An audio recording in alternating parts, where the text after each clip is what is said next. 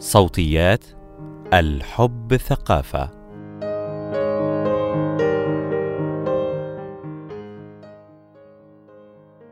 مرض الاكتئاب صعب ولا تقتصر الصعوبة على ما يعانيه المريض ولكن على ما يعانيه من حوله أيضا. هنا نكتب عن ستة دروس تساعدك على التعامل مع شريكك المكتئب.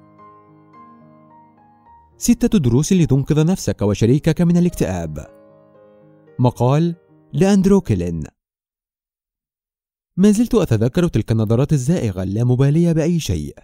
فلينتهي العالم أو فلتذهبوا جميعا إلى الجحيم. لا يهم. الأهم أن تتركوني هنا وحدي مع اكتئابي. جاءت الزوجة إلى العيادة لتشكو اكتئاب زوجها وبالتالي تورطها معه في الاكتئاب. أكثر عبارة تكررت على لسانها لست زوجة جيدة. أنا محبطة. لأنني لم أتمكن من إخراجه من دائرة الاكتئاب. ومن هنا تورطت هي معه. الذنب هو الشعور الذي يلف كلا الشريكين في الاكتئاب.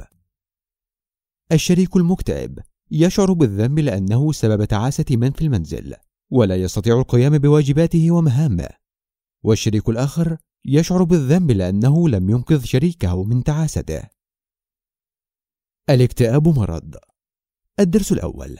أن الاكتئاب ليس مجرد تعاسة يمكن أن يخرجك منها أحدهم ببساطة شديدة كأن يدعوك إلى سهرة ما أو أن ترتدي قميص نوم مثير فيشعر الزوج بالإثارة الشديدة فينتهي اكتئابه.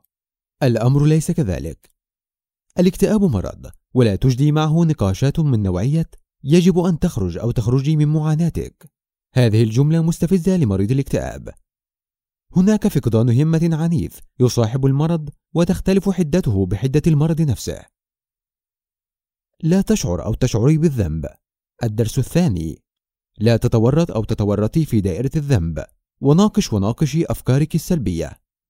أولى هذه الأفكار وأهمها. أنا لست شريكا جيدا. مثل هذه الأفكار التي تستدعي مشاعر الذنب تورطك في الاكتئاب مع الشريك. لذا يجب أن تتعلم وتتعلمي مناقشتها باستدعاء حقيقة مهمة ألا وهي أن الاكتئاب مرض. كان سيصيب شريكك حتى ولو تزوج أو تزوجت من غيرك.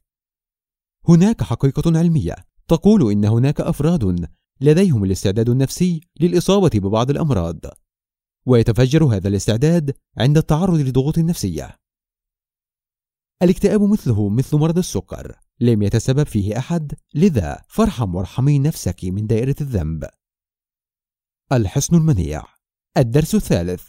هو كيف تبني حصنك المنيع ضد اكتئاب الشريك؟ بالطبع لا أقصد أن أحرض الأزواج على ترك بعضهم في معاناتهم بأنانية شديدة. لكني أعني أن شخصا واحدا مكتئب في الأسرة أفضل من انتشار المرض. تذكر أن هناك حقيقة علمية تتحدث عن عدوى الاكتئاب. وأن معظم المكتئبين يصيبون شركائهم الذين يعيشون معهم في المنزل بهذه العدوى. فكما تصيب الآخرون عدوى الضحك ينتشر الاكتئاب بسرعة ويصيب من حوله. الفكرة مفادها أن الرغبة في العزلة والبكاء وفقدان الهمة واضطرابات النوم وعلامات الأسى وفقدان الرغبة في الكلام تشعر المحيطين بالأسى والإحباط وتلفهم بمشاعر الذنب التي تحدثنا عنها من قبل. وفي بعض الأوقات رغبتك في مساعدة الشخص تورطك معه بشدة وعدم مهنيتك فيما يخص علاج الاكتئاب تورطك. وربما تكون أنت نفسك عرضة للإصابة بالاكتئاب. فضغط العيش مع شخص مكتئب يفجر هذا الاستعداد فتتورط معه. لذا تذكر أن تمارس أنشطتك ومهامك التي اعتدت عليها بطبيعية شديدة. وهذا يساعد الشخص الآخر في التخفيف من مشاعر الذنب والثقل التي يشعر بها. لا تأخذ إجازة من العمل لتكون بجواره لأنه ربما لن يخرج من غرفته وستشعر أنت بالإحباط. حاول شغل وقتك في هذه الفترة بتعلم أشياء جديدة مثيرة تساعدك على الخروج من دائرة الإحباط. وفي نفس الوقت تكون أمام الشخص المكتئب كفرصة لمساعدته دون ضغط. أتذكر مشاركة أحد الأزواج عندما حكى لي في الجلسة عن تعلم زوجته للعود في فترة اكتئابه.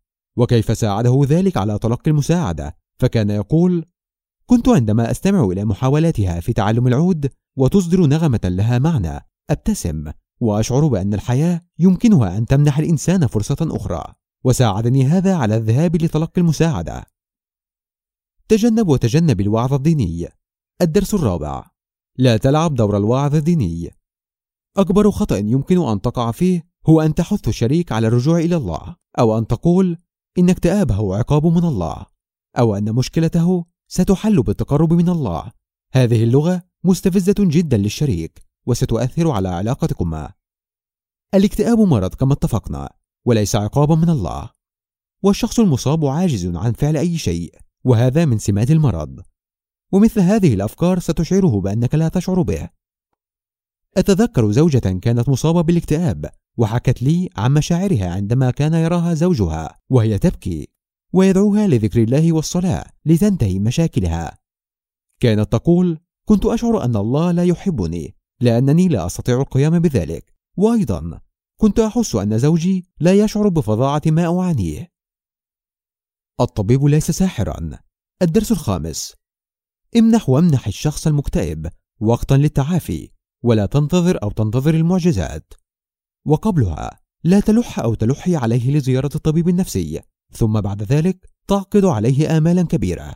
فالطبيب ليس ساحرا سيمنح شريكك مسحة تجلب له السعادة.